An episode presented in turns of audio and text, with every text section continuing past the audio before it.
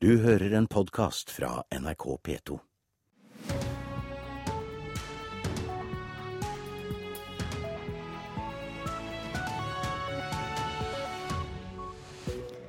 God tirsdagsmorgen. Du hører på Nyhetsmorgen. Klokka er 6.30 og programleder i dag Anne Jetlund Hansen.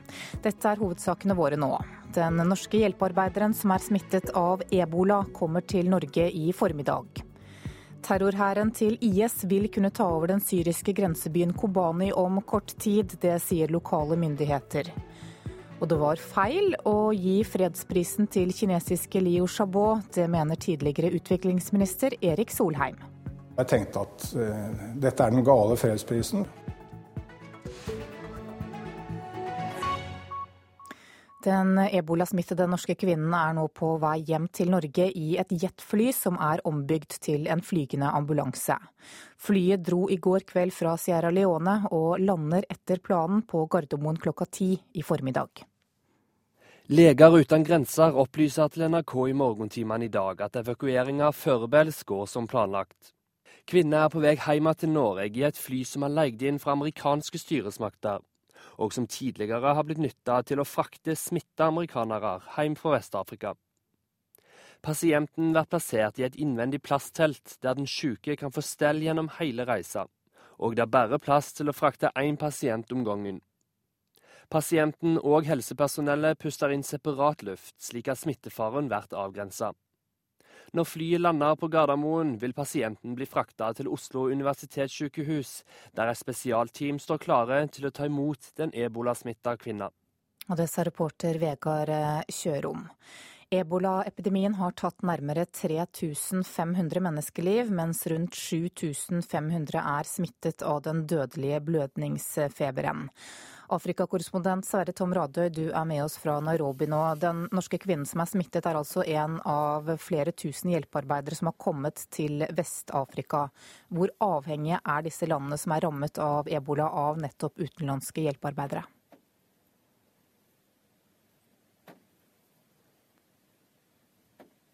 Totalt, eh, særlig Liberia, Guinea og Sierra Leone. Helsevesenet, det lille som var der fra før, har brutt helt sammen.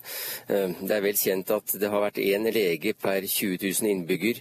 100 eh, helsearbeidere er allerede døde i Sierra Leone, og mange kvier seg for å gå på jobb. Utbruddet av denne blødningsfeberen beskrives nå som svartedauden i Vest-Afrika. Hva er de største utfordringene nå for å få kontroll over dette utbruddet?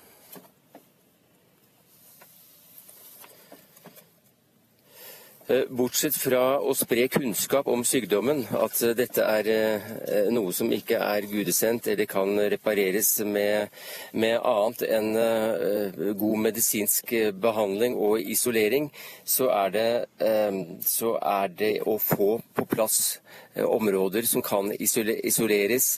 Det er helsearbeidere, og det er altså utstyr. For dette landet har altså hatt denne epidemien nå i måned etter måned etter måned og ropt på hjelp, og veldig lite hjelp eh, har kommet. Ja, og FN har jo bedt om en milliard dollar, eller om lag 6,5 milliarder kroner, til arbeidet med å begrense denne epidemien. Kommer denne hjelpen nå for sent? Eh, I går så var det 121 nye døde i Sierra Leone. Det er en rekord som dessverre kommer til å bli slått. Men for sent, det kan man jo ikke si det er. Men myndighetene som eh, nå håndterer dette, de ber ikke bare om penger og, og den type hjelp. De ber om at eh, landene i vest, Vest-Europa f.eks., f.eks. Ja, der ser det ut til at vi rett og slett mistet kontakten med Sverre Tom Rade i Nairobi. Vi kan ta med at i Madrid så er den første personen som er smittet av ebola utenfor Afrika nå fraktet til sykehus. Kvinnen ble smittet da hun behandlet en spansk prest, som senere døde av nettopp eh, ebola. Det var feil å gi fredsprisen til kinesiske Liu Xiaobo, det mener SV-veteran Erik Solheim. Solheim var miljø- og utviklingsminister da den kinesiske demokrati- og menneskerettighetsforkjemperen fikk fredsprisen i 2010. Jeg tenkte at uh, dette er den gale fredsprisen. Det ville ha vært en god idé hvis det hadde vært sannsynlig at det hadde bedret menneskerettighetssituasjonen i Kina. Eh, det motsatte er dessverre mer sannsynlig, nemlig at dette bidrar til en, en slags konfrontasjon. Eh, hvor kineserne går inn i sitt skall og tenker omverdenen er eh, ute etter oss. Fire år etter denne fredspristildelingen er forholdet mellom Kina og Norge fortsatt godt under frysepunktet. Norske myndigheter har prøvd å forklare at Nobelkomiteen er en helt uavhengig komité. Og at ikke det bør eh, ødelegge for et forhold mellom Norge og Kina som vi ønsker å fortsatt arbeide for skal være godt også i fremtiden. Men de norske forsikringene har falt på stengrunn. Ikke så rart, mener Solheim, som nå leder OECDs utviklingskomité. I akkurat samme tiendedels sekund som fredsprisen deles ut, så står statsministeren fram, normalt på Slottsplassen, og erklærer at dette er klokt og riktig. Nobelkomiteen består i dag av tidligere norske toppolitikere. To av medlemmene er på valg i høst, et valg Stortinget tar seg av. Solheim tar til orde for at norske politikere må ut av komiteen og internasjonale størrelser inn. Iallfall hvis man vil ha internasjonal forståelse for uavhengighet. Kofi Annan har vært foreslått, men som et eksempel. har vært En nobelkomité ledet av Kofi Annan ville hele verden umiddelbart se på som en global pris. Geir Lundestad har vært sekretær for Nobelkomiteen i 24 år, og er stolt av prisutdelingen til Leo Chaubo. Nobels fredspris er verdens mest prestisjetunge pris. Og det er den ikke fordi at den som alle andre priser deler ut eh, priser til Røde Kors og til eh, Nelson Mandela og disse ukontroversielle. Den har sin posisjon først og fremst fordi at den har hatt mot til å være kontroversiell en mer internasjonal komité høres jo fint ut, sier han, men Under den kalde krigen, hvordan skulle man ha en internasjonal komité? Skulle man ha en fra øst og en fra vest og en nøytral? Vi skjønner alle at eh, det går ikke. Den andre varianten er jo at de skal på en måte speile verden mer bredt. At du får et slags FNs sikkerhetsråd. Eh, fri å bevare meg. Da kommer bare til å bli kjedelige priser. Ja, Reportere her det var Katrin Hellesnes og Inger Sunde. Og det blir mer om denne saken i Brennpunkt klokka 21.30 på NRK1 i kveld. Regjeringen åpner for å la Ukraina få deler av Norges EØS-kontingent. Det skriver Bergens Tidende. EØS-midlene fra Norge har alltid gått til EUs fattigste medlemsland, men nå er det aktuelt å bruke deler av pengene i en østpakke for å støtte EU-tilpasningene i Ukraina, Georgia og Moldova. Alle tre landene har signert assosieringsavtaler med EU. Et sørkoreansk marinefartøy har skutt varselskudd mot en nordkoreansk patruljebåt som besvarte ilden. Det opplyser forsvarskilder i Seoul. Ingen skal ha kommet til skade under det som skjedde. Og det skjedde etter at den nordkoreanske patruljebåten angivelig hadde krysset en omstridt grenselinje i Japanhavet. Opprørere fra den islamske staten IS vil trolig kunne ta den syriske grensebyen Ayn al-Arab, eller Kobani som den kalles på kurdisk, i løpet av kort tid. Ifølge BBC har gatekampene allerede startet. Og det har vært harde kamper i og rundt byen i flere dager. Svart røyk velter opp fra byen som ligger bare noen kilometer fra den tyrkiske grensa, etter nok et angrep fra den militante islamistiske gruppa Den islamske staten IS. Gruppas svarte flagg vaier nå i utkanten av byen, og ifølge BBC har gatekampene allerede startet. Det har de siste dagene vært harde kamper flere steder i utkanten av byen. Dersom IS klarer å ta byen, vil den ekstreme islamistgruppa få kontroll over en viktig del av den syrisk-tyrkiske grensa. Den amerikanskledede militærkoalisjonen har gjennomført flere luftangrep mot IS-mål utenfor Kobani, men det har ikke stanset ekstremistene, kun forsinket dem. 2000 mennesker har blitt evakuert fra byen det siste døgnet, og over 140 000 har flyktet til Tyrkia etter at kampene om byen startet. Den ekstremistiske gruppas framrykning skaper sinne flere steder i verden, og i går kveld stormet rundt 100 kurdiske demonstranter den nederlandske nasjonalforsamlinga for å rette søkelyset mot kamphandlingene i den kurdiske delen av Tyrkia. Og i går kveld samlet nærmere 100 personer seg til en ulovlig demonstrasjon utenfor Stortinget. Ja, Det sa utenriksmedarbeider Inger Marit Kolstad Bråten. Finansminister Siv Jensen vil få mest mulig ut av hver krone i offentlig sektor. Hun har laget en plan for at departementer og direktorater skal jobbe smartere og bedre. Staten må bli like effektiv som privat sektor, sier hun. Regjeringen innfører nå en avbyråkratiserings- og effektiviseringsreform. Det betyr at vi pålegger alle statlige etater eh, å legge til rette for mindre byråkrati sånn at vi kan få mer igjen for skattebetalernes penger. Ifølge Aftenposten vil Jensen i morgen, under fremleggelsen av Solberg-regjeringens første statsbudsjett, presentere sin masterplan for slanking av staten. Finansministeren sier gevinsten ved innsparingen vil være i milliardklassen. Ja, altså allerede neste år vil dette tiltaket alene eh, gi en eh, endret prioritering på 1,4 milliarder kroner. Det er klart at eh, det blir penger av det når dette tiltaket får lov å virke over flere år. Jensen avviser at dette er kutt som vil føre til dårligere tjenester, og mener det i stedet vil gi bedre effektivitet. Eh, og mitt inntrykk er jo at også langt inn i statlige etater så ser man jo at man kan bruke pengene smartere for å få bedre tjenester ut. Dette vil jo være en vinn-vinn-situasjon for alle.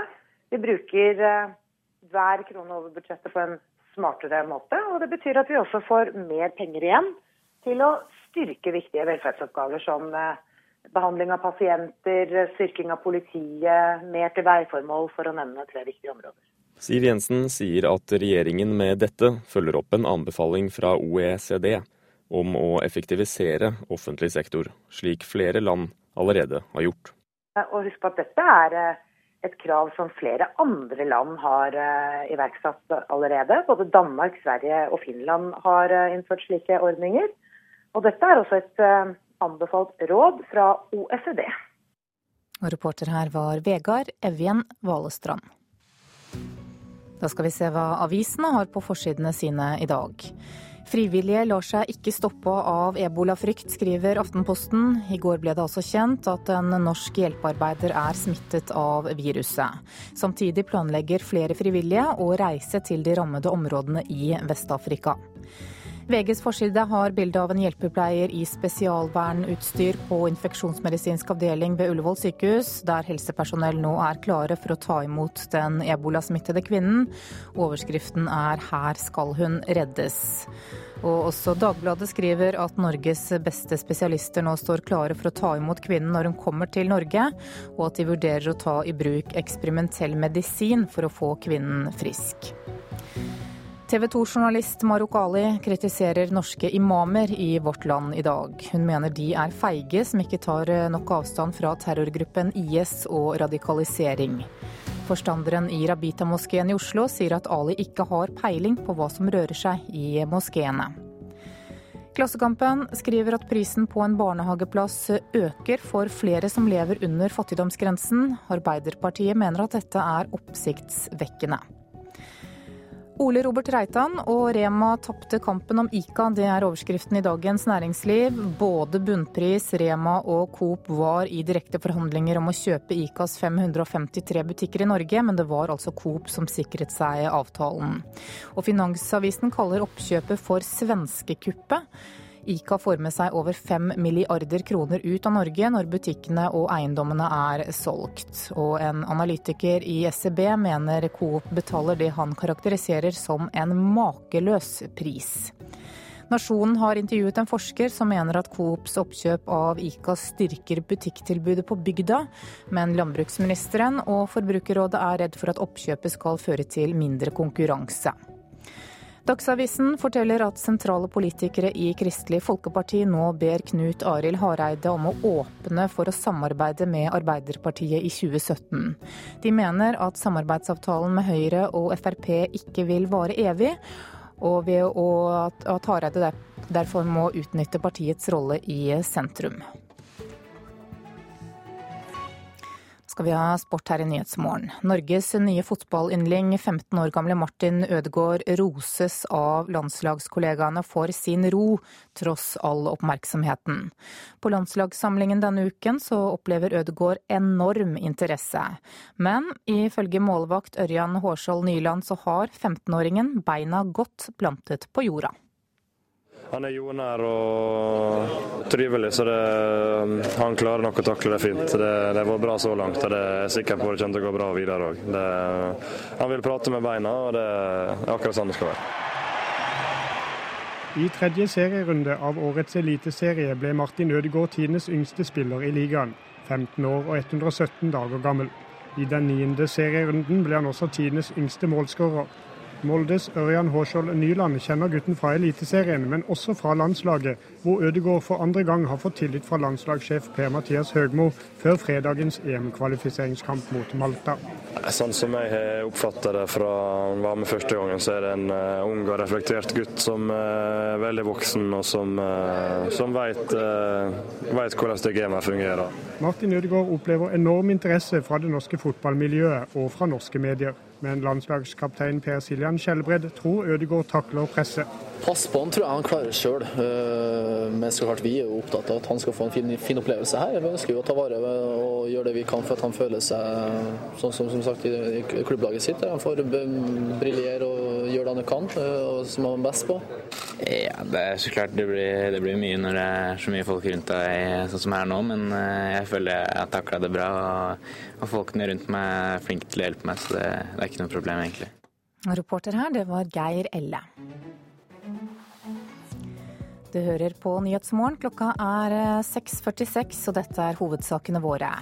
Helsepersonell står klare til å ta imot den norske hjelpearbeideren som er smittet av ebola, når hun kommer til Norge i formiddag.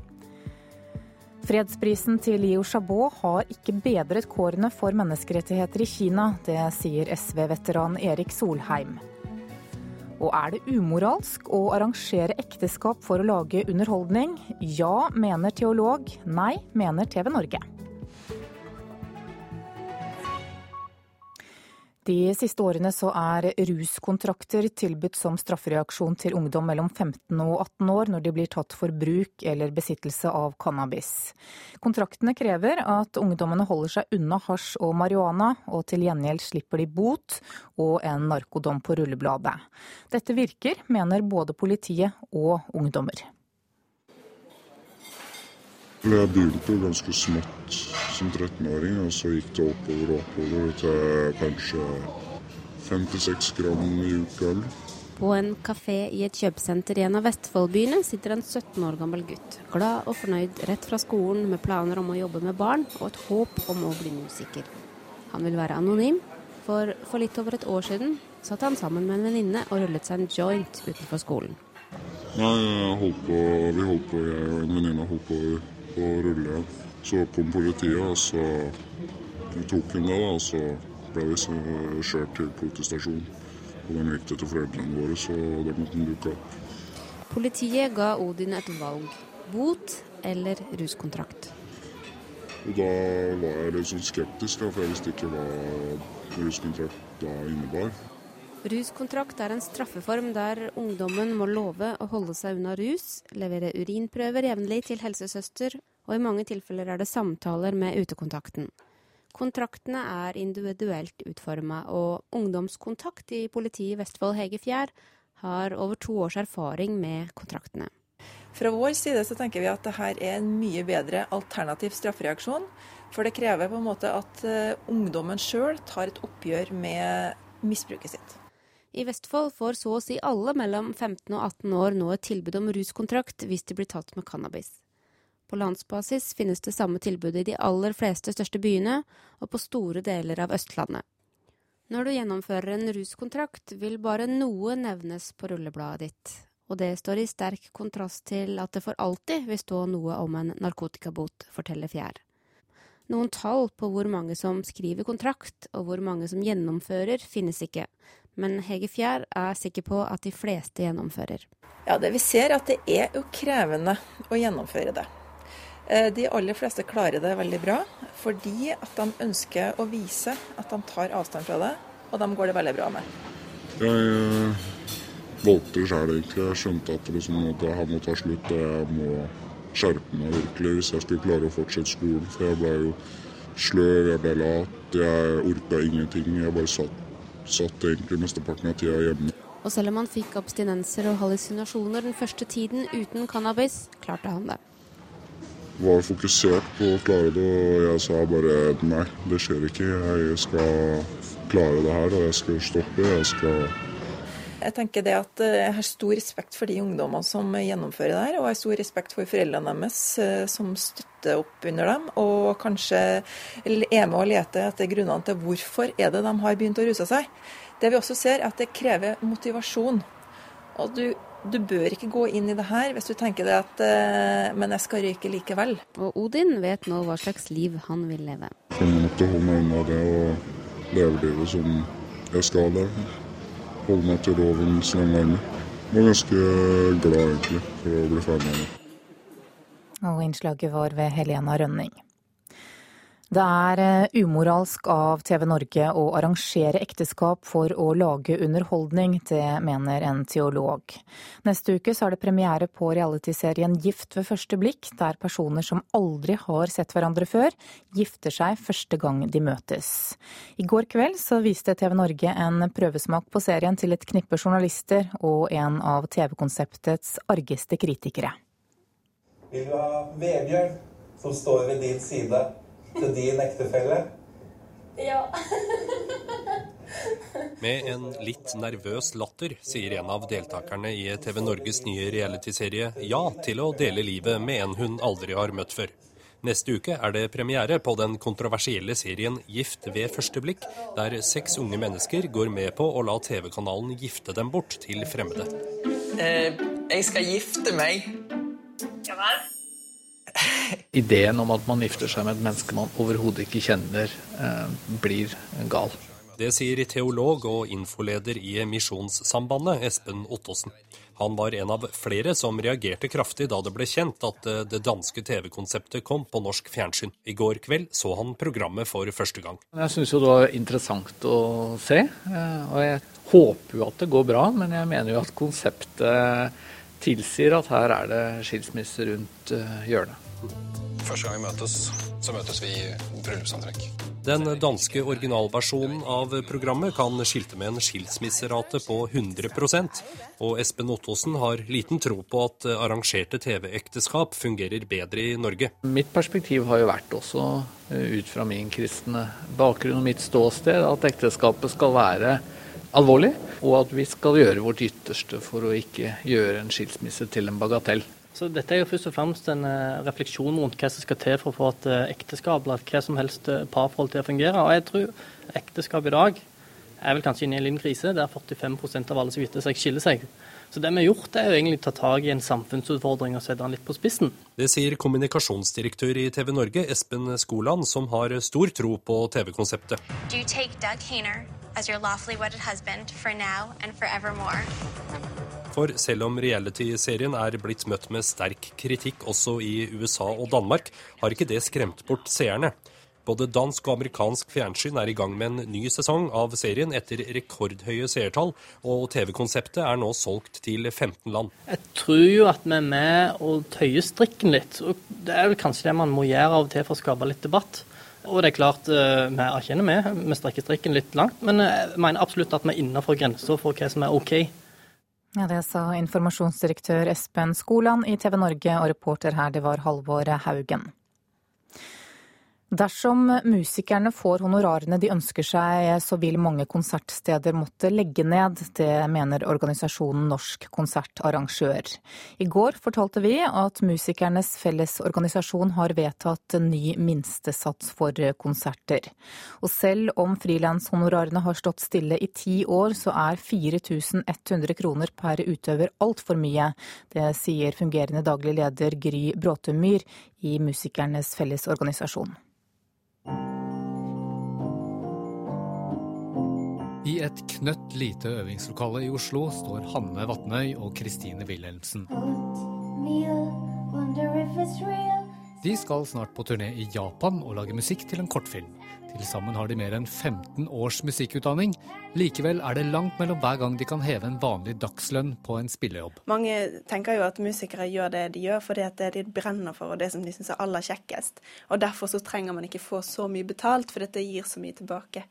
Men det er jo ingen i andre bransjer som blir bedt om å jobbe gratis. Wilhelmsen er medlem av Musikernes Fellesorganisasjon, MFO. Som NRK meldte i går, har de sett seg lei på at honorarene til frilansmusikere har stått stille i ti år.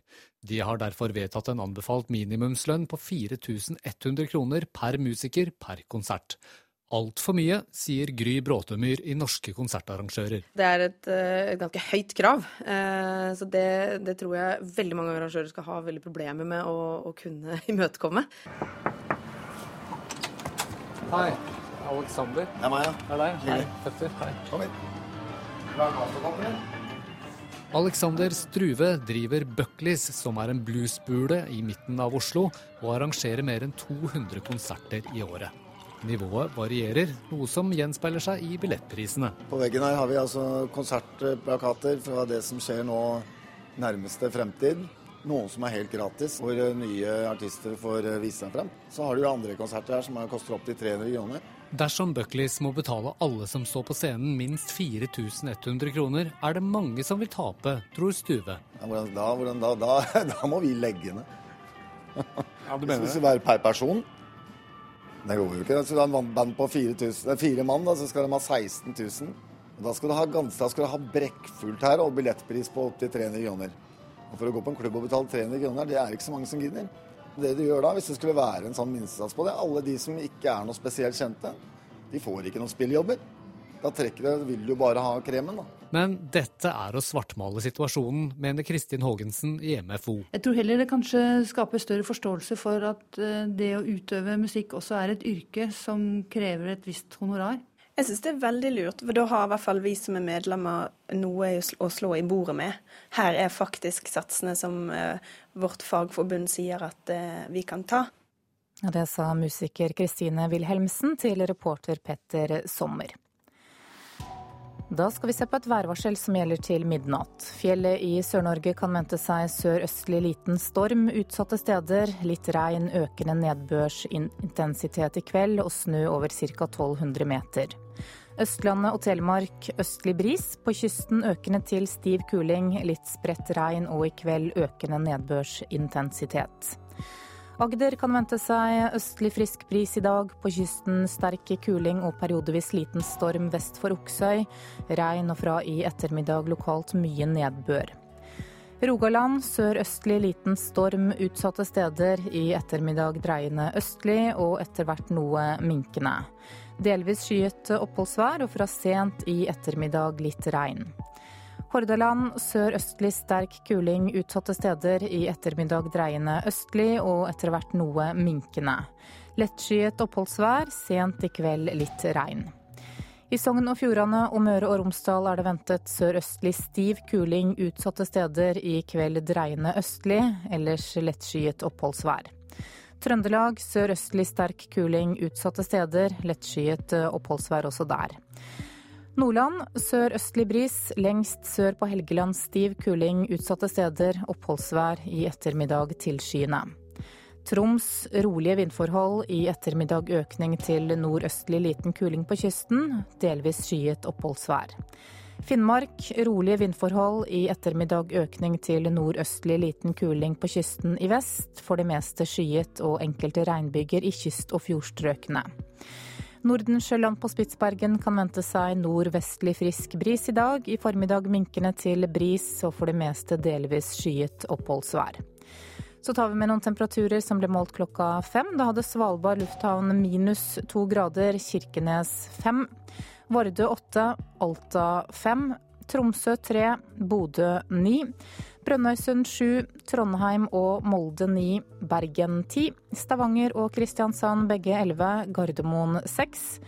Lillehammer 5, Røros 2 og på Oslo-Blindern var det 7 grader klokka 5 i morges. Det er ventet litt lavere temperaturer ut, utover dagen i hele landet. Og så er det også ventet stedvis kraftig vind fra sørøst i Sør-Norge. Kraftige vindkast på Sør-Vestlandet og storm utsatte steder i fjellet og på kysten. Du hører en podkast fra NRK P2.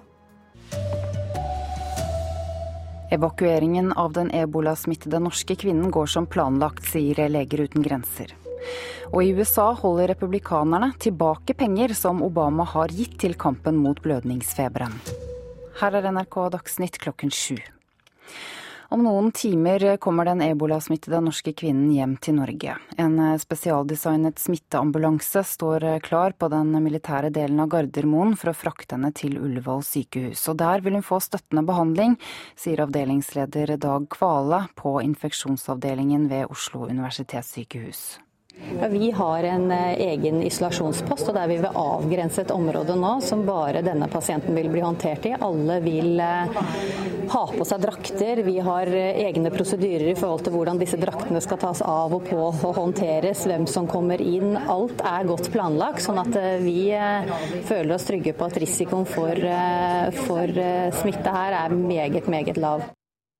Og i USA holder republikanerne tilbake nærmere 1 milliard dollar som Obama-administrasjonen har øremerket kampen mot ebola i Vest-Afrika.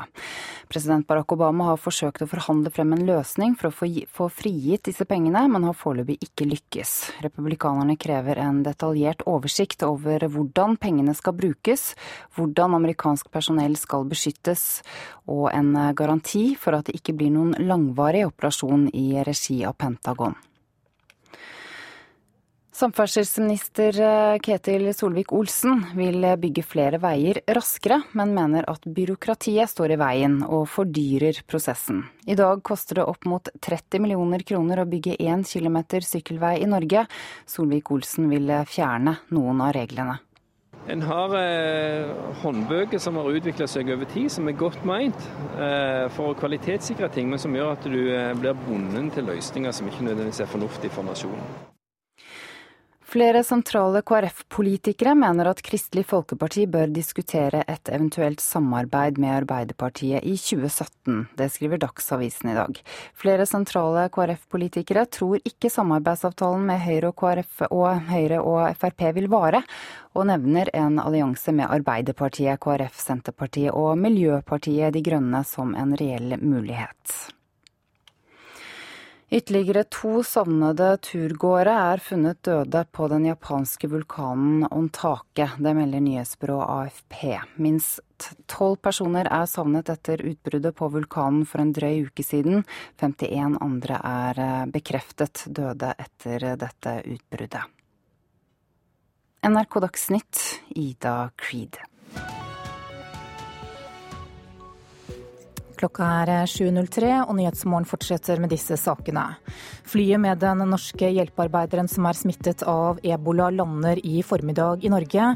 Leger uten grenser er straks med direkte her i Nyhetsmorgen for å gi deg siste nytt. Terrorhæren til IS vil kunne ta over den syriske grensebyen Kobani om kort tid. Det sier lokale myndigheter. Og mange somaliere opplever møtet med Nav som ydmykende og lite motiverende. I formiddag så kommer altså den ebolasmittede norske kvinnen hjem til Norge. En spesialdesignet smitteambulanse vil stå klar på den militære delen av Gardermoen for å frakte henne til Ullevål sykehus. Sånn. Skal jeg skru på pumpen? Yes, please. De ansatte ved infeksjonsavdelingen på Oslo universitetssykehus har de siste ukene trent på å bruke heldekkende gule vernedrakter som skal hindre at de selv blir smittet av ebolaviruset. Det finnes i dag ingen utprøvd medisin mot sykdommen, så kvinnen vil først og fremst få støttende behandling, sier avdelingsleder Dag Kvale. Vi vet at det vi kaller enkelt støtteterapi, hvor det aller viktigste komponenten er væske, det kan bli aktuelt med surstoff og forskjellige sånne ting, men det helt basale er væske. Denne behandlingen har vist seg å ha god effekt, selv om sykdommen ofte varierer fra pasient til pasient. Forløpet fra en pasient til en annen her kan være ganske forskjellig, slik som vi ser i en rekke andre infeksjoner også. I USA har man med hell prøvd ut ny og udokumentert behandling, og Kvale utelukker ikke at de vil prøve det samme hvis situasjonen skulle kreve det. Vi vet jo at dette er helt eksperimentell behandling. Eh, det er ikke dokumentert effekt. Eh, det er ulike modeller man kan tenke seg. Og det er mulighet for bivirkninger, så det trenger vi litt eh, tid å tygge på. Men først og fremst må vi se an hvilken form pasienten er i. Ebola er en smittsom sykdom, men verken andre pasienter ved sykehuset eller befolkningen for øvrig trenger å frykte smitte, selv om en norsk pasient nå har fått sykdommen. Det sier viseadministrerende direktør Katrine Lofthus ved Oslo universitetssykehus. Vi har en eh, egen isolasjonspost, og der vi vil avgrense et område nå som bare denne pasienten vil bli håndtert i. Alle vil eh, ha på seg drakter. Vi har eh, egne prosedyrer i forhold til hvordan disse draktene skal tas av og på og håndteres, hvem som kommer inn. Alt er godt planlagt, sånn at vi føler oss trygge på at risikoen for smitte her er meget, meget lav. Reporter var Tom Ingebrigtsen. Generalsekretær Anne Cecilie Koltenborn i Leger uten grenser, velkommen. Takk. Hvordan er tilstanden til denne kvinnelige hjelpearbeideren nå? Eh, vår medarbeider er nå i ferd med å bli evakuert fra Sierra Leone. Den eh, evakueringen går som planlagt, og vedkommende er ved godt mot. Det er vel det jeg kan si om det. Hvilke teorier har dere nå om hvordan hun ble smittet? Vi har foreløpig ikke noen teorier. Dette er jo fortsatt veldig nytt. Eh, men våre folk i Sierra Leone gjør nå alt de kan for å bringe på det rene Eh, i hvilken kontekst dette skjedde. Eh, og om det har skjedd noen glipp, eller om det er behov for å eh, endre prosedyrene våre. Det skal vi nå bringe på det rene, og så kommer vi til å ta steg ut fra det. Går det an å si noe om hvilke, i hvilke situasjoner helsearbeiderne deres er særlig utsatt for å bli smittet? Altså, det er jo eh, kontakten med pasienter, selvfølgelig. Eh, pasienter er er jo eh, smittsomme ved direkte kontakt. Eh, og derfor er smittevernutstyret, eh, drakten, eh, veldig, veldig viktig. Slik at det å ta av og på, eh, kanskje særlig av denne drakten, slik som eh, de gjør flere ganger om dagen, fordi de kun kan arbeide i den drakten i 45-60 minutter av gangen, det er et kritisk øyeblikk. Har hun hatt direkte kontakt med andre etter at hun ble smittet? Oss bekjent ikke. Eh, vedkommende er jo eh, veldig klar over eh, smitten selv. Valgte selv å gå i isolat og holde seg på rommet når, når, det var tydelig at vedkommende hadde feber. Slik at oss bekjent så er det blitt respektert til altså 100% det at vedkommende ikke har hatt noen kontakt med noen andre etter at det var symptomer. Hva gjør dere nå for å passe på at ikke flere av feltarbeiderne deres blir smittet? Vi fortsetter jo å gjøre det samme som vi har eh, gjort, og følge de prosedyrene som vi har utviklet nå i løpet av de seks månedene som vi har arbeidet i Guinea og Liberia og Sierra Leone. Eh, vi har jo sett eh, gjennom disse månedene at våre sikkerhetstiltak har fungert veldig, veldig bra. Um, og vi har drevet uh, omfattende opplæring både av lokale uh, hjelpearbeidere og andre. Og vi har kursing også her i Europa for de som skal reise ut. Slik at vi føler at vi har et svært godt apparat på plass. Uh, men ikke desto mindre så er jo den beskjeden vi har fått nå, akkurat en sånn beskjed som vi har håpet vi ikke skulle få. Um, og vi kommer til å gjennomgå alt igjen uh, for å se om vi må endre på enda noe mer. Hvordan påvirker dette arbeidet deres? Det påvirker arbeidet vårt uh, i den forstand at uh, kollegaer syns at dette er forferdelig trist. Det har vært og er svært positivt at eh, det fortsetter å være hjelpearbeidere, både medisinsk og ikke-medisinsk personell, som eh, henvender seg og ønsker å reise ut for å hjelpe. Og det at 22 norske hjelpearbeidere har reist ned dit i løpet av den siste tiden, uh, det er vi veldig takknemlige for, rett og slett. Setter pris på deres, uh, den risken de tar, og det initiativet de viser. Sånn at uh, når da en hjelpearbeider blir smittet, så, så, oppleves det som veldig, veldig trist, og nettopp det som vi skulle motarbeide. Generalsekretær Anne Cecilie Koltenborn i Leger uten grenser, takk for at du kom hit til eh, Nyhetsmorgen. I dag så koster det opp mot 30 eh, millioner kroner å bygge én kilometer med sykkelvei i Norge. Altfor mye, sier samferdselsminister Ketil Solvik-Olsen, som vil bygge raskere og flere veiprosjekter. Men han frykter at byråkratene er for redde for å gjøre feil, og at de forholder seg altfor slavisk til håndboka. Jeg tror det er en eh, holdning i offentlig sektor der du hele veien skal passe på at du ikke gjør feil. Samferdselsminister Ketil Solvik-Olsen går til kamp mot byråkrati og papirvelde. Det koster ofte i mange kommuner mellom 28 eh, og 30 millioner kroner per kilometer for å bygge en sykkelvei. For meg høres det veldig dyrt ut. Jeg ønsker å legge bedre til rette for syklister, men da må vi også sørge for at vi får mange kilometer med vei, og ikke noen særdeles pene sykkelveier som koster skjorta. Solvik-Olsen frykter at håndbøker og regelverk kan gjøre dagen dagens utfordringer langt dyrere enn tenkt, og at veiprosjekter kunne blitt mye billigere om det ikke var et standardisert byråkrati. Istedenfor å se etter muligheter og finne gode lokale, fleksible løsninger, så er en så opptatt av å ha et standardisert regelverk som ofte blir svært kostbart i forhold til mange behov lokalt. Man kan ikke bare slippe innovasjonen fri, man må evaluere at det blir bra for trafikanter også. Det sier Gunnar Lindberg, direktør i Transportøkonomisk institutt. Han ser også at regelverk kan fordyre veiprosjekter, men at man heller ikke må ta snarveier i byggeprosessen. Det er jo til for å sikre at standarden er tillräckligt bra for trafikanter. Så det, det är klart man kan råka ut för entreprenører som tar genvägar, som gjør vägar som ikke holder måttet, som gjør cykelvägar som ikke er tillräckligt bra. Men når det kan koste 30 millioner kroner å bygge en kilometer med sykkelvei i Norge, mener Solvik-Olsen at man må forenkle reglene. Det er sånne ting man må utfordre, så vi får brukt pengene på en effektiv måte og løst flest mulig samferdselsutfordringer over hele landet. Det er mulig å få ting billigere enn det vi har sett. Reportere her det var Knut Arne Oseid og Fredrik Solvang. Mange somaliske innvandrere opplever møtet med Nav som ydmykende og lite motiverende.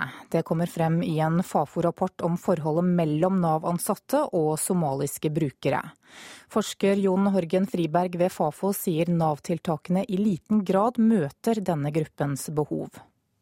Vi ser at veldig mange av de somaliske brukerne er svært motiverte for eh, særlig språkopplæring, eh, grunnleggende kvalifisering i, løp, i, form av skolegang, grunnleggende skolegang, eh, og spesifikke type kurs, kvalifisering, noe man kan sette på CV-en.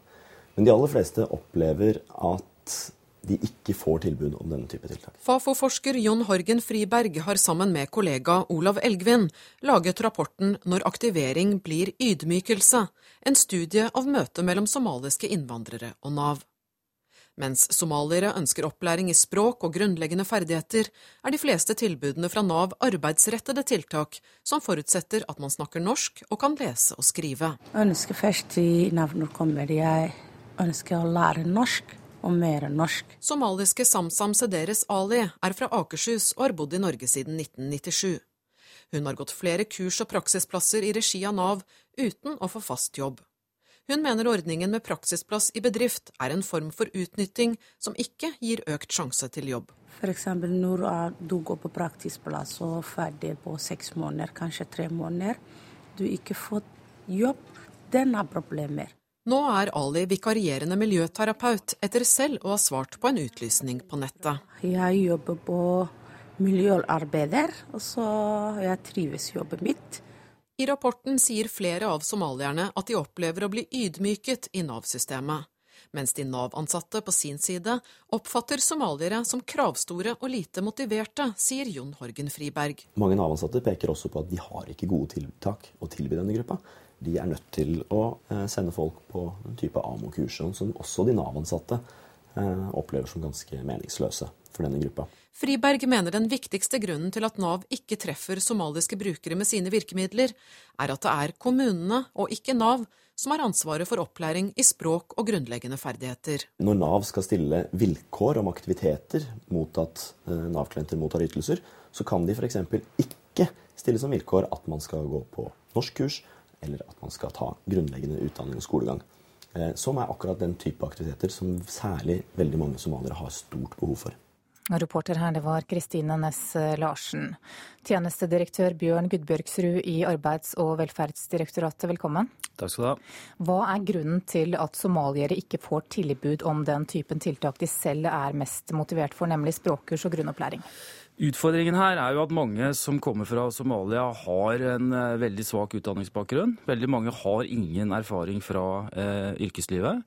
Eh, det gjør at når de møter på Nav, så er nok de kursene og de tiltakene som vi kan tilby, de er ikke tunge nok og de er ikke grunnleggende nok i forhold til hva gruppen eh, har eh, behov for. Og Det gjør nok at det blir en mismatch i forhold til hva somalierne forventer og hva Nav kan tilby. Så jeg tror det er behov for å tenke litt nytt på dette området. Jeg tror at vi i stedet for å basere oss på litt kortsiktige arbeidsmarkedstiltak, så da har vi behov for mer grunnleggende opplæring. Eh, og Det betyr at flere som kommer fra eh, land eh, hvor utdanningsbakgrunnen er dårlig, yrkeserfaringen er liten, bør gjennom en grunnleggende opplæring. Jeg tror f.eks. at introduksjonsprogrammene blir for korte for en del av denne gruppen. Og jeg tror at flere har behov for tyngre språkopplæring. Det kan ikke Nav tilby i dag. Og dersom vi skal treffe de behovene som somalierne har, så har vi behov for en del nye tiltak. Og da trengs det nok et politisk løft for denne gruppen. Og det er viktig, for hvis vi ser på tallene fremover, eh, så blir det en veldig stor vekst i, i, eh, i antallet innvandrere til Norge. Så dersom vi skal lykkes med å videreføre og videreutvikle velferdssamfunnet vårt, så er, det, så er, vi helt avhengig av at vi klarer å integrere innvandrerne i arbeidslivet. Men kan dere ikke tilby den type kurs som de etterspør, heller enn å tilby andre kurs, da? Slik som regelverket er i dag, så er det begrensa hvor mye norskopplæring du kan legge inn i arbeidsmarkedstiltakene. Vi strekker det regelverket så langt vi overhodet kan, for vi ser at mange av målgruppene våre har behov for språkopplæring. Eh, men sånn som eh, utdanningsbakgrunnen for en del av disse er, så har vi behov for mer og lengre grunnleggende norskopplæring eh, og mer og grunnleggende kvalifisering enn det vi kan tilby med dagens regelverk. Hva gjør, altså Vi hører i reportasjen her at de somaliske brukerne opplever å bli ydmyket i møte med Nav, mens de ansatte på sin side opplever brukerne som kravstore og like lite motiverte. Hva kan dere gjøre for å endre på dette mønsteret? da? Nei, altså jeg, jeg, tror det er viktig å få bygd ned denne mismatchen og få mer treff, treffsikre tilbud for denne målgruppen. Og Da snakker vi altså om mer langsiktig løp med norskopplæring og kvalifisering. Men det er klart at også vi som jobber i Nav må ta det som somalierne sier på alvor. Forsøke å utvikle enda bedre flerkulturell kompetanse. Kanskje skal vi ansette flere somaliere. Eh, og selvsagt er det også viktig at vi kan tilrettelegge for bruk av tolk og den type ting, slik at ikke kommunikasjonen i seg sjøl blir en utfordring. Så tror jeg det er viktig at vi snakker om at det norske samfunnet har både rettigheter og, og plikter, hva det innebærer, og at vi på en måte behandler denne gruppa på samme måte som vi behandler alle andre grupper i det norske velferdssamfunnet. Bjørn Gudbjørgsrud, takk for at du kom til Nyhetsmorgen. Nå er klokka 7.17, og dette er hovedsakene våre. Helsepersonell står klare til å ta imot den norske hjelpearbeideren som er smittet av ebola, når hun kommer til Norge i formiddag. Samferdselsministeren mener det er altfor dyrt å bygge sykkelvei her i landet. Og følg oss videre. I dag er det åtte år siden den russiske journalisten Anna Politkovskaja ble drept i Moskva.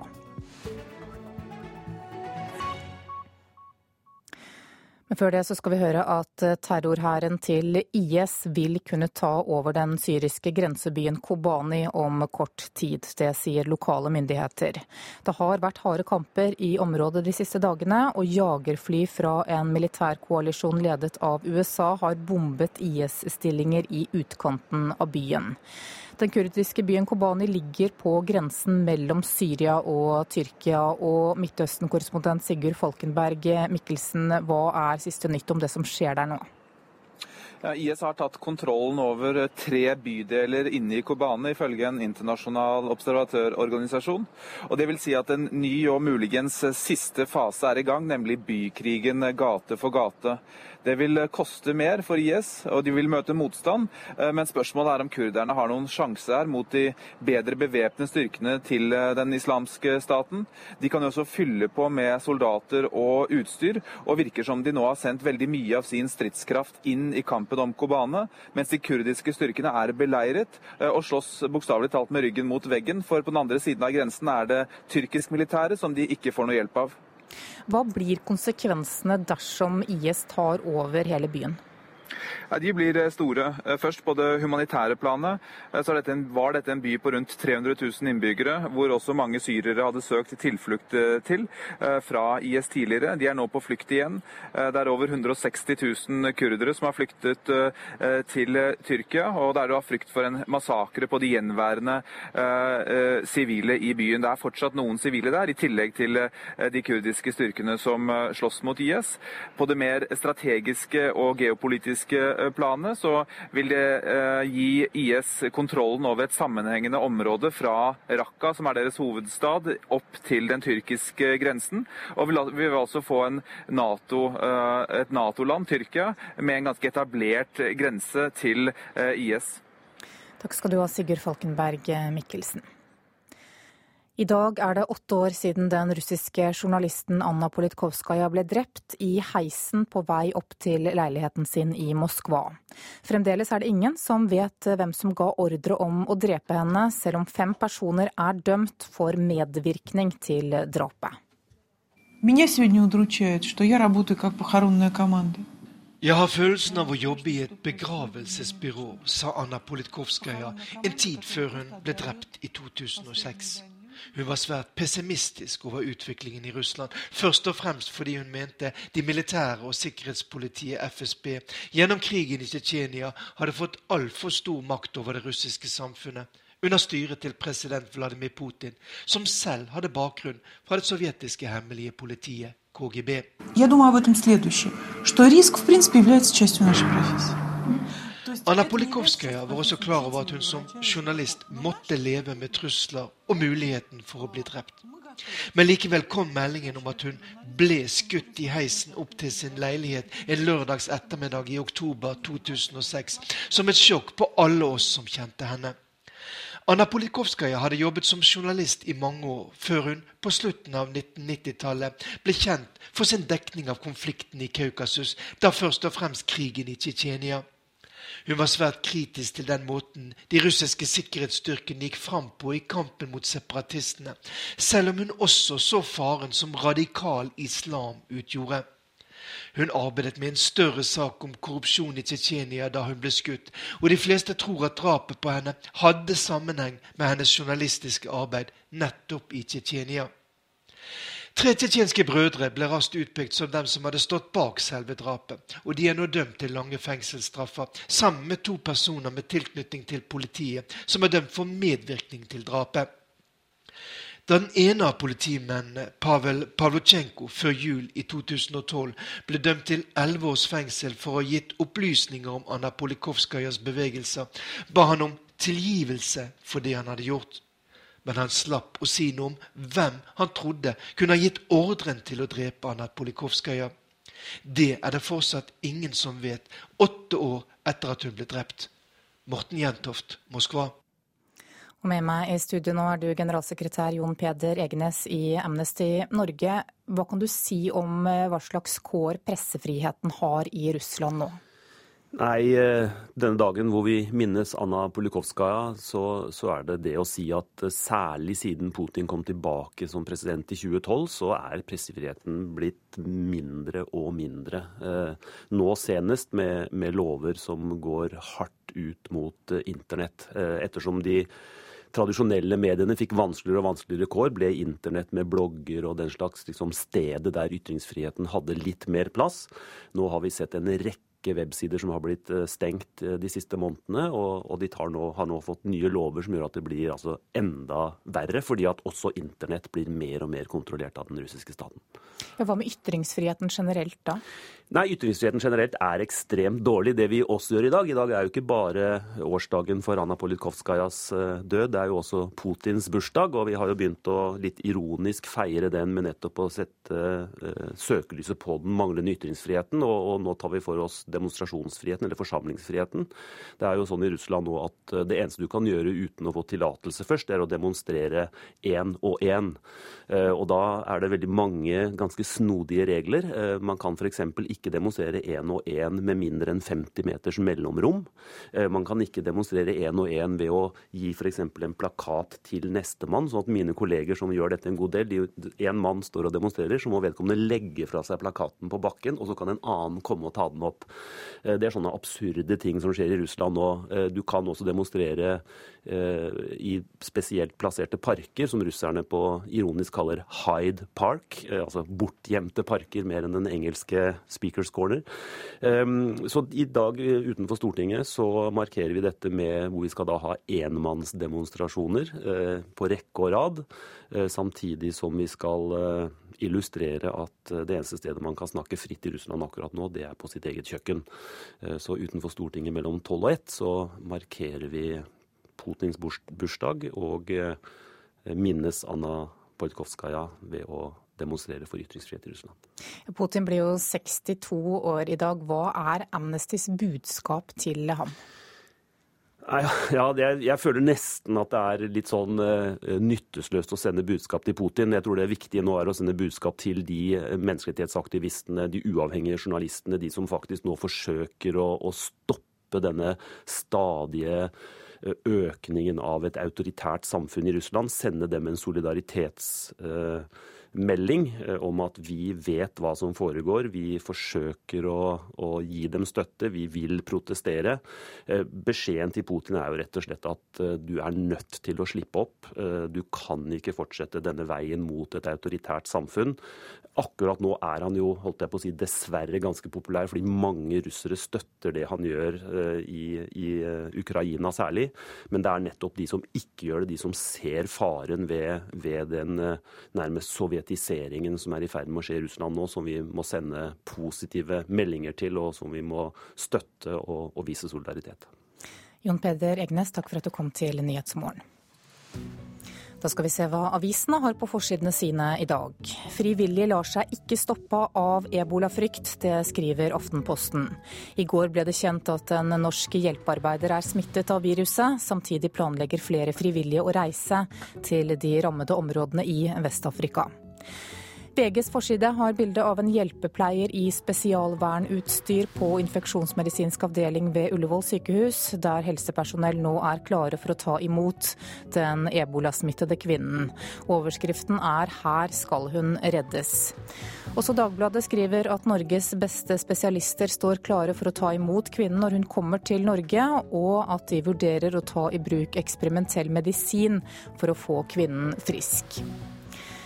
Bergens Tidende forteller at regjeringen nå åpner for å la Ukraina få deler av Norges EØS-kontingent. I dag går disse pengene bare til EU-land, og utenriksforsker Asle Toje tror en slik endring kan skape flere problemer i Norges forhold til Russland. TV 2-journalist Maruk Ali kritiserer norske imamer i Vårt Land i dag. Hun mener de er feige som ikke tar mer avstand fra terrorgruppen IS og radikalisering. Forstander i Rabita-moskeen i Oslo sier at Ali ikke har peiling på hva som rører seg i moskeene. Klassekampen skriver at prisen på en barnehageplass øker for flere som lever under fattigdomsgrensen. Arbeiderpartiet mener at dette er oppsiktsvekkende. Ole Robert Reitan og Rema 1000 tapte kampen om ICA. Det er overskriften i Dagens Næringsliv. Både Bunnpris, Rema og Coop var i direkte forhandlinger om å kjøpe ICAs 553 butikker i Norge, men det var altså Coop som sikret seg avtalen til slutt. Og Finansavisen kaller dette oppkjøpet for svenskekuppet.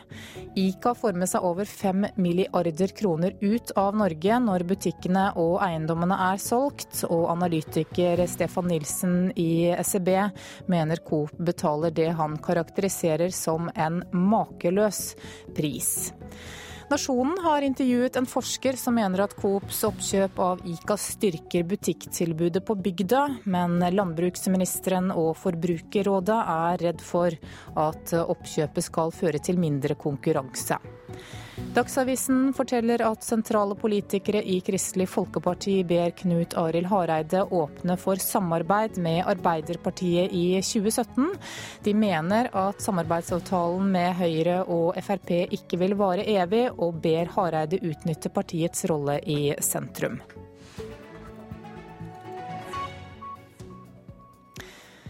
Klokka nærmer seg 7.30 og Dagsnytt. Produsent for Nyhetsmorgen i dag, det er Thomas Theis Haugan, og her i studio Anne Jetlund Hansen. Du hører en podkast fra NRK P2.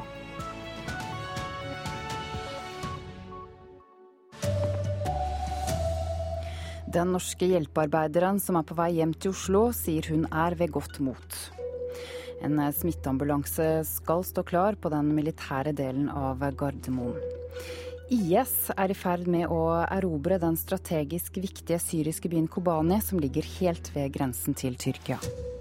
Her er NRK Dagsnytt klokken 7.30. Om noen timer kommer den ebolasmittede norske kvinnen hjem til Norge. En spesialdesignet smitteambulanse venter på den militære delen av Gardermoen for å kjøre henne til Ullevål sykehus. Generalsekretær i Leger uten grenser, Anne Cecilie Kaltenborn, sier kvinnen er ved godt mot. Eh, vår medarbeider er nå i ferd med å bli evakuert fra Sierra Leone. Den eh, evakueringen går som planlagt, og vedkommende er ved godt mot. Det er vel det jeg kan si om det. Hvordan påvirker dette arbeidet deres?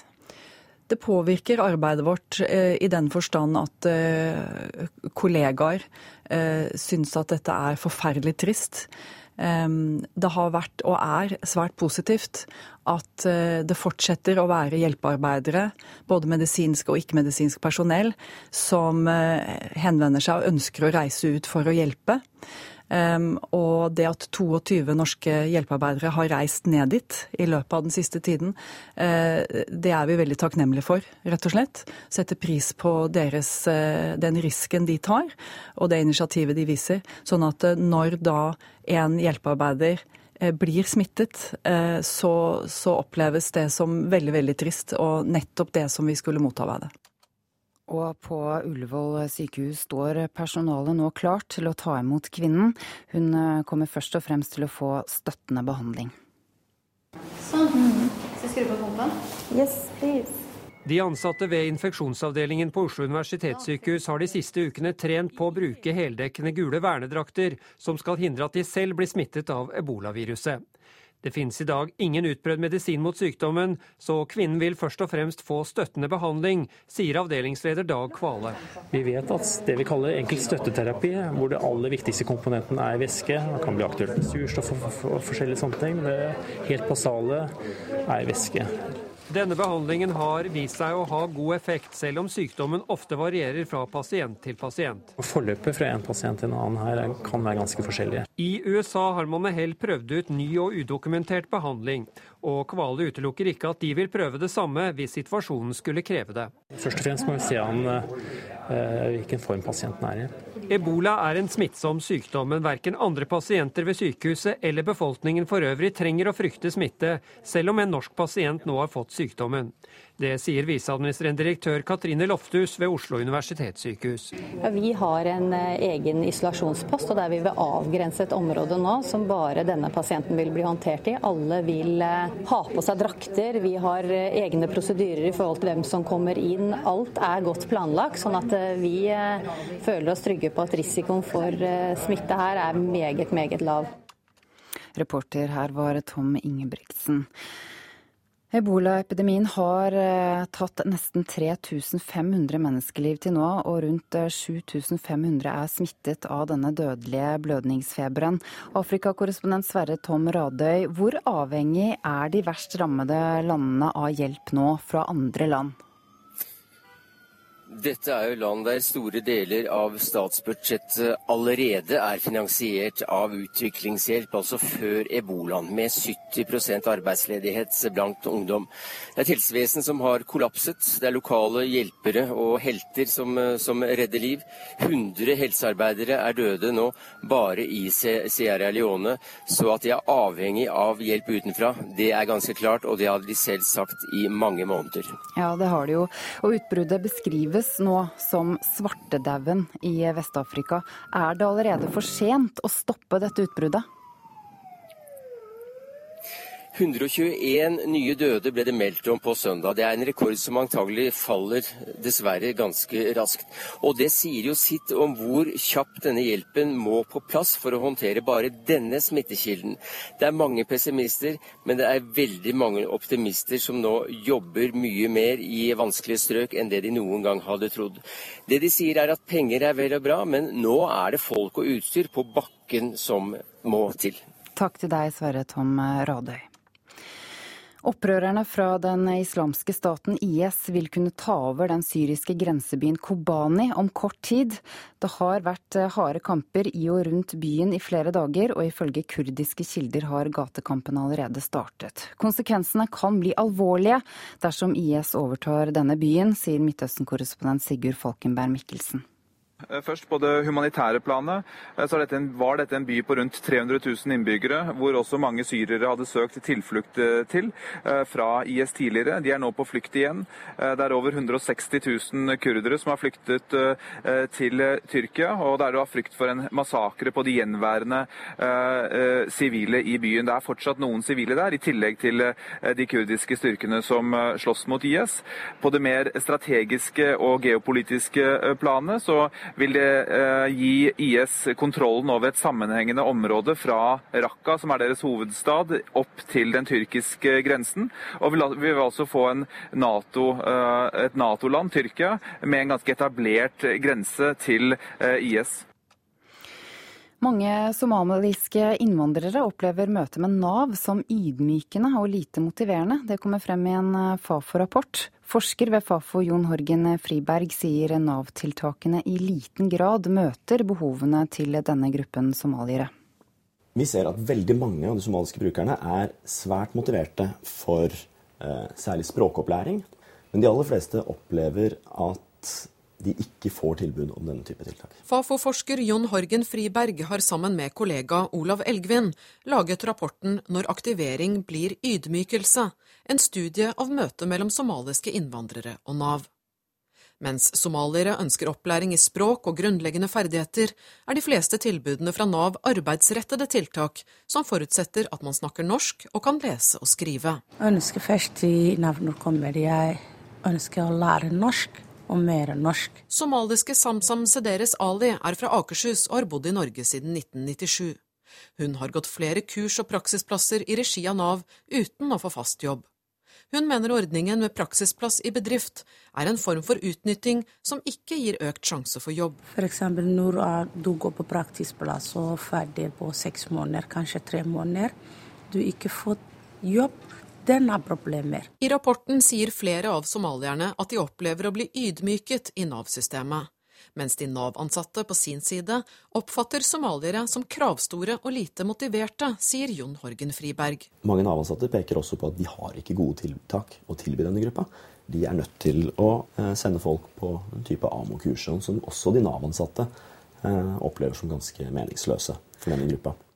Reporter her var Kristine Næss Larsen. Samferdselsminister Ketil Solvik-Olsen vil bygge raskere og flere veier, men frykter at byråkratene er for redde for å gjøre feil og forholder seg for slavisk til håndbøker. I dag koster det opp mot 30 millioner kroner å bygge én kilometer med sykkelvei i Norge, og Solvik-Olsen mener man må gå bort fra et standardisert regelverk og se på lokale behov. Sport nå. Det finnes ikke lenger lilleputtnasjoner i europeisk fotball. Det mener flere av landslagsspillerne før EM-kvalifiseringen fortsetter med Malta som motstander på fredag. At motstanderen er en av verdens minste stater er ikke det samme som garantert seier, sier Per Siljan Skjelbred. Det tror jeg litt sånn, altså nå, Hvor mange innbyggere det er lenger, det er liksom ikke så Det er det det handler om, det handler om den som er ute på banen. Og Det har vi sett flere episoder, så det skal ikke være noen hindring for verken store eller små å hevde seg. Med sine drøyt 423 000 innbyggere, færre enn Bergen kommune, er Malta en liten stat. Svært liten men de kan bite fra seg i fotball. Det viste de da formsterke Kroatia måtte slite for seier i åpningskampen i EM-kvalifiseringen i september. Vegard Forren er enig med kaptein Skjelbred i at ingen nasjoner lenger regnes som en ren walkover. I dagens fotball så er det ingen kamper så enkle lenger. og det Malta borte, vi, vi vet at det norske folk eller mange tenker at det, det, vi skal dit og bare hente tre poeng, men det er langt ifra sånn det er. Er det ingen lilleputtnasjoner i Europa igjen, da? Nei, det, fotballen har tatt steg der òg. Det, det, er små nasjoner som er, uh, gjør mye rett og mye bra ut her. Reporter Geir Elle. Du kan høre denne kampen på fredag fra klokken 20.15 på NRK Sport på DAB pluss og fra 20.45 på NRK P1. Ansvarlig for denne sendingen er Anders Borgen Werring, teknisk ansvarlig Hanne Lunås, i studio Ida Creed.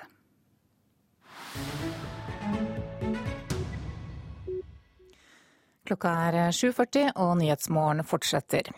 Er det nødvendig å ødelegge en politiker bare fordi han ikke har helt kontroll på buksesmekken? Og er det noen lenger som husker Gary Hart? Han lå an til å bli president i USA i 1988. I stedet gikk demokraten Gary Hart inn i historien som den første amerikanske politikeren som fikk ødelagt karrieren pga. kvinnehistorier. USA-korrespondent Tove Bjørgaas har dukket ned i en ny bok, og i debatten den har utløst om politisk journalistikk.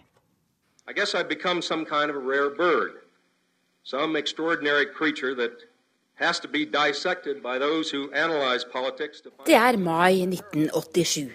En innbitt senator står på talerstolen og forteller at han føler seg som en dissekert fugl. Og at han trekker seg fra demokratenes nominasjonskamp. Den uka for 27 år siden ble den politiske journalistikken her i USA forandret for alltid, mener Matt Bai. In that moment, decisions were made to treat a presidential candidate very differently from the way we'd ever treated one before. Sier journalisten i Yahoo News i et intervju med PBS. I boka 'All the Truth Is Out', som kom ut denne uka, forteller Bay både historien til Gary Hart og til den politiske journalistikken her i landet. Franklin Roosevelt, John Kennedy Lyndon Johnson, all of whom we now know uh, were not angels in their private lives. Matt Bay ramser opp presidenter som holdt seg med elskerinner i fleng. Pressekorpset i Det hvite hus visste at president Kennedy hadde med seg opptil flere kvinner på reiser og foran valgkampen i 1964 informerte hans etterfølger Lyndon Johnson de betrodde journalistene om at han kom til å ta med seg damer på rommet i ny og ne. Men det var ikke noe å skrive hjem om. Overhodet ikke, var reporterne enige om. Mange av dem hadde selv affærer i fleng, ifølge Matt By. Men utover på 1980-tallet skjedde det noe. Og Gary Hart ble dette noes første offer.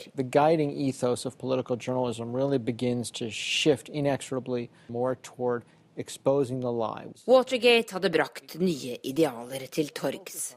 Journalistenes mål var blitt å avsløre løgnen, forteller Bay. Gary Hart var et takknemlig offer. Han var karismatisk og lå svært godt an på meningsmålingene. Men han levde også i et haltende ekteskap, og pressekorpset visste at han hadde såkalte problemer med buksesmekken. Så kom den famøse seilturen til en øy utenfor Miami. Midt i en kritisk fase i nominasjonskampen leide Hart båten med navnet ingen glemmer. Monkey Business. Med på turen var den unge, blonde modellen Donna Rice og presidentkandidaten lot seg forevige med Rice på fanget. Dette ville ha vært helt udramatisk, skriver Bay. Hadde det ikke vært for at en journalist i The Miami Herald skrev en artikkel om dameryktene Hart var omspunnet av. Han klarte aldri å bli politiker igjen. Etter Gary Hart kom nye politikere med buksesmekktrøbbel. I did not have sexual relations with that woman. Men mens Hart led en rask politisk død, klarte mannen som ble demokratenes neste president, å overleve. Selv om også han måtte legge seg flat et drøyt tiår etter en fallen kollega. Indeed, I did have a relationship with Miss Lewinsky that was not appropriate. In fact, it was wrong. Og reporter her, det var vår USA-korrespondent Tove Bjørgaas. Klokka er 7.44. Dette er hovedsakene våre nå. Den ebolasmittede norske hjelpearbeideren kommer til Norge i formiddag, og hun sier at hun er ved godt mot. Terrorgruppen IS er i ferd med å erobre den strategisk viktige syriske byen Kobani, som ligger helt ved grensen til eh, Tyrkia. Og Navs tiltak er lite tilrettelagt for somaliske brukere. Det viser en ny rapport fra Fafo. Mange somaliere opplever møtet med Nav som ydmykende og lite motiverende. Klokka nærmer seg 7.45, og du skal få Politisk kvarter. Programleder i dag det er Cecilie Roang Bostad.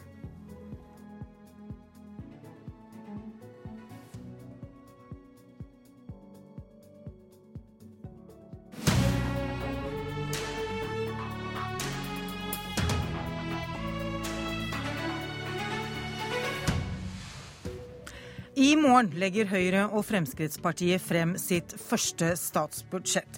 Det blir lakmustesten på Høyre- og Frp-regjeringen, sier støttepartiene, som kommer med klare krav til regjeringen.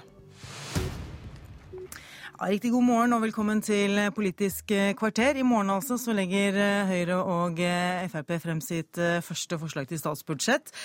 De har som kjent ikke flertall i Stortinget. Det betyr at de er avhengig av støttepartiene Kristelig Folkeparti, Hans Olav Syversen, velkommen. Og deg, Terje Breivik, Venstre, velkommen. Så var det Svein Flåtten, fra, representant fra regjeringspartiene Høyre. Velkommen til deg også. Takk.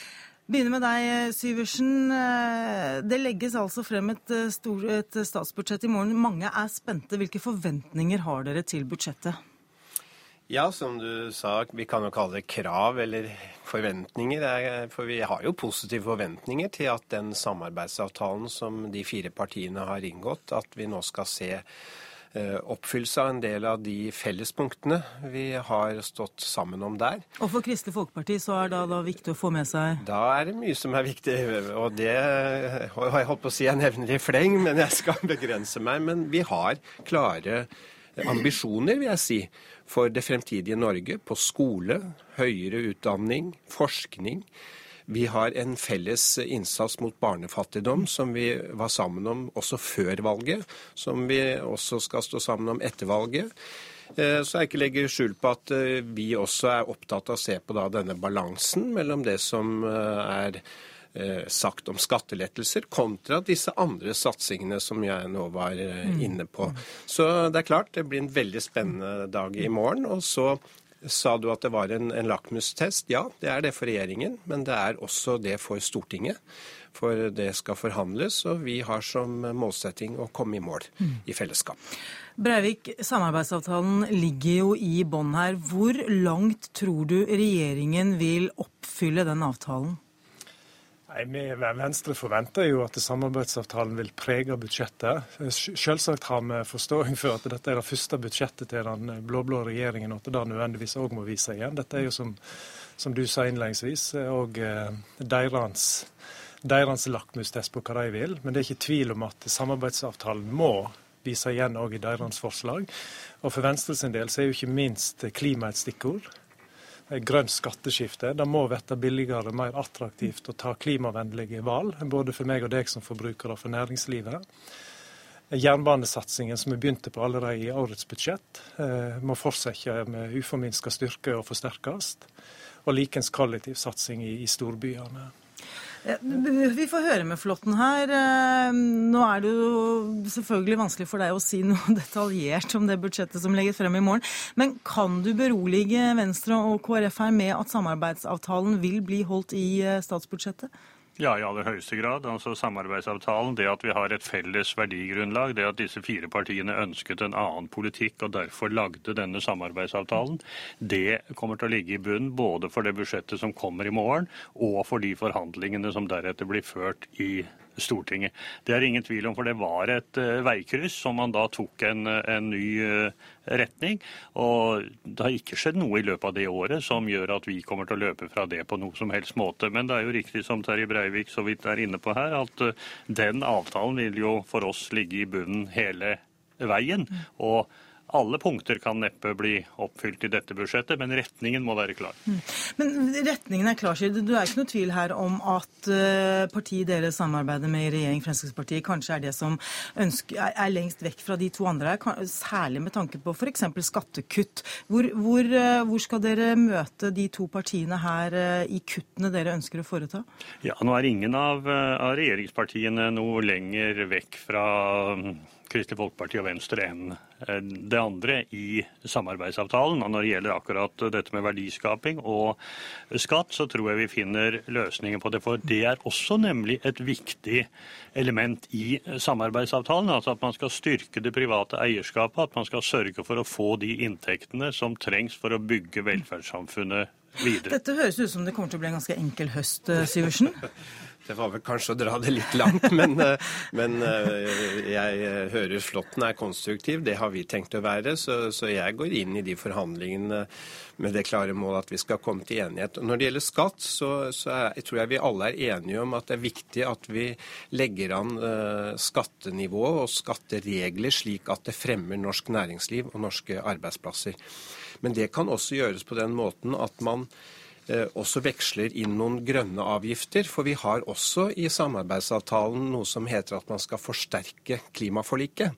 Og det er klart, Da kan du gi skatteletter, men samtidig også ta inn noen avgifter som også er med på å oppfylle det klimaforliket som vi faktisk er enige om at skal forsterkes.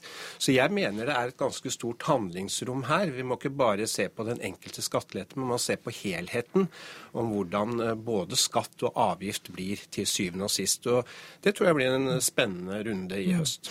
Hvis vi skal gå inn på litt nærere ting her, Breivik. Eh, det kom et Eh, en styrt lekkasje her på lørdag i, i Lørdagsrevyen om eh, differensiert barnehagesatser f.eks. Dette er vel noe som Venstre imøtekommer og er glad for å få med seg? Ja, i høyeste grad. Dette var en av de tingene som vi forhandla inn i årets budsjettavtale. Altså, og et, et veldig viktig fattigdomstiltak. At du differensierer barnehagesatsene. Gjør det billigere for de som, de som har minst å rotte med. Eh, så Sånn sett er det jo ikke mer enn rett og rimelig at regjeringen leverer på noe som, som de for så vidt er forpliktet til å gjøre i henhold til årets budsjettavtale. Men slik det blir lagt frem, er innretningen på den uh, differensieringen riktig, mener dere? Nei, Nå gjenstår det å se hvordan innretningen er når vi faktisk ser det svart på hvitt i morgen. Da. Men sånn som lekkasjene er om at de har en, ett skilje altså på et årsinntekt på vel 400 000, så er nok det en innretning som fort kan bli gjenstand for eller vet et tema rundt forhandlingsbordet. Venstre har en annen modell som er, er langt mer treffende, som har flere nivåer. Ja, nettopp. Syversen? Ja, eh, Først vil jeg gi ros til regjeringen at man nå for første gang på mange mange år gjør det vi har snakket om, og som vi fire i fellesskap var enige om at man skal gjøre. At de som har dårligst råd, de skal få en billigere barnehageplass. For paradokset med makspris før var jo at de som hadde dårligst råd, de fikk altså økte priser, mens de som hadde relativt god råd, fikk kutt i sine barnehageutgifter. Og så er jeg enig med Terje, vi, vi må se på innretningen. Eh, hvis det er sånn at akkurat det nivået over de, hva skal vi si, de med aller dårligst råd får et skikkelig påslag, så er nok det også noe vi må diskutere. Men prinsippet som nå Det er en lekkasje, men jeg tror den har eh, god grunn til å, være riktig. At man nå gjør et, eh, et løft for de som har dårligst råd. Eh, det har vår fulle tilslutning. Og Da vil jeg gjerne legge til at uh, det er positivt å høre at man er enig i innretningen og enig i prinsipper. Og så er det klart at, uh, at, akkurat hvordan man utformer ordninger, det vil jo være en diskusjon i Stortinget, som vil det alltid være. Men det overliggende uh, synes man å være enig i. Jeg må spørre dere begge, både Breivik og Syversen her. Hva er altså det, mm, statsbudsjettet i morgen, forslag som det jo da er Eh, hva er dere mest spent på med tanke på hvor de legger seg eh, hadde nær sagt partimessig? Begynner med Breivik. Jeg er mest, mest spent på, samtidig som jeg har store forventninger til at de faktisk kommer med en del på dette som går under stikkordet forsterka klimaforliket. Grønt, et grønt skatteregime, altså gjøre det billigere å velge klimavennlig.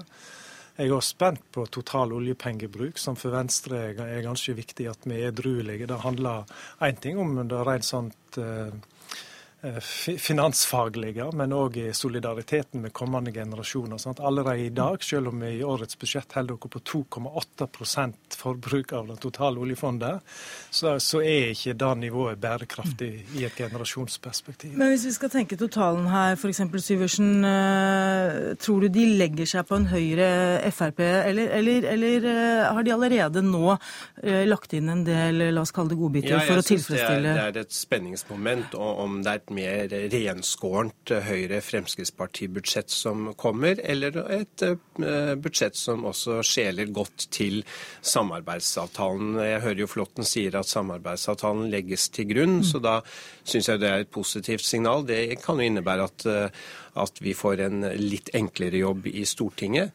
Eh, og så er jeg også spent på kanskje balansen mellom skatteletter og de, eh, for å kalle det, velferdssatsingene som også ligger inne i samarbeidsavtalen. For oss er det i hvert fall veldig viktig at vi får et budsjett som har en solid sosial profil.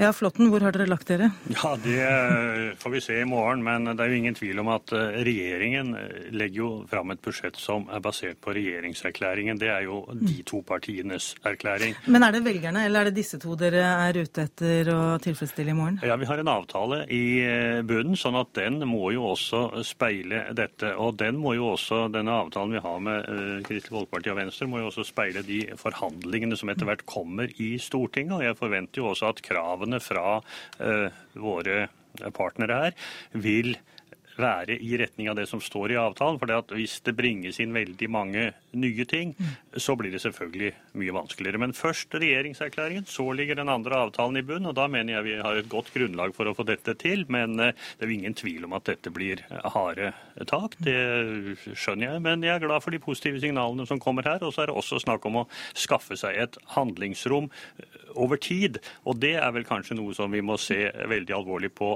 alle eh, partier. Altså utgiftene øker hele tiden. Hva kan vi gjøre for å begrense de etter hvert? Uansett, finansminister Siv Jensen legger altså frem det første statsbudsjettet, forslaget til statsbudsjett i morgen.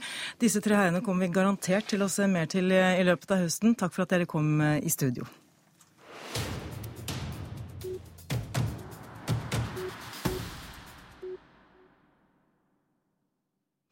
Det var altså de tre herrene fra mm, Kristelig Folkeparti, Venstre og eh, Høyre i regjering. Eh, Lars Nehru Sand, politisk kommentator.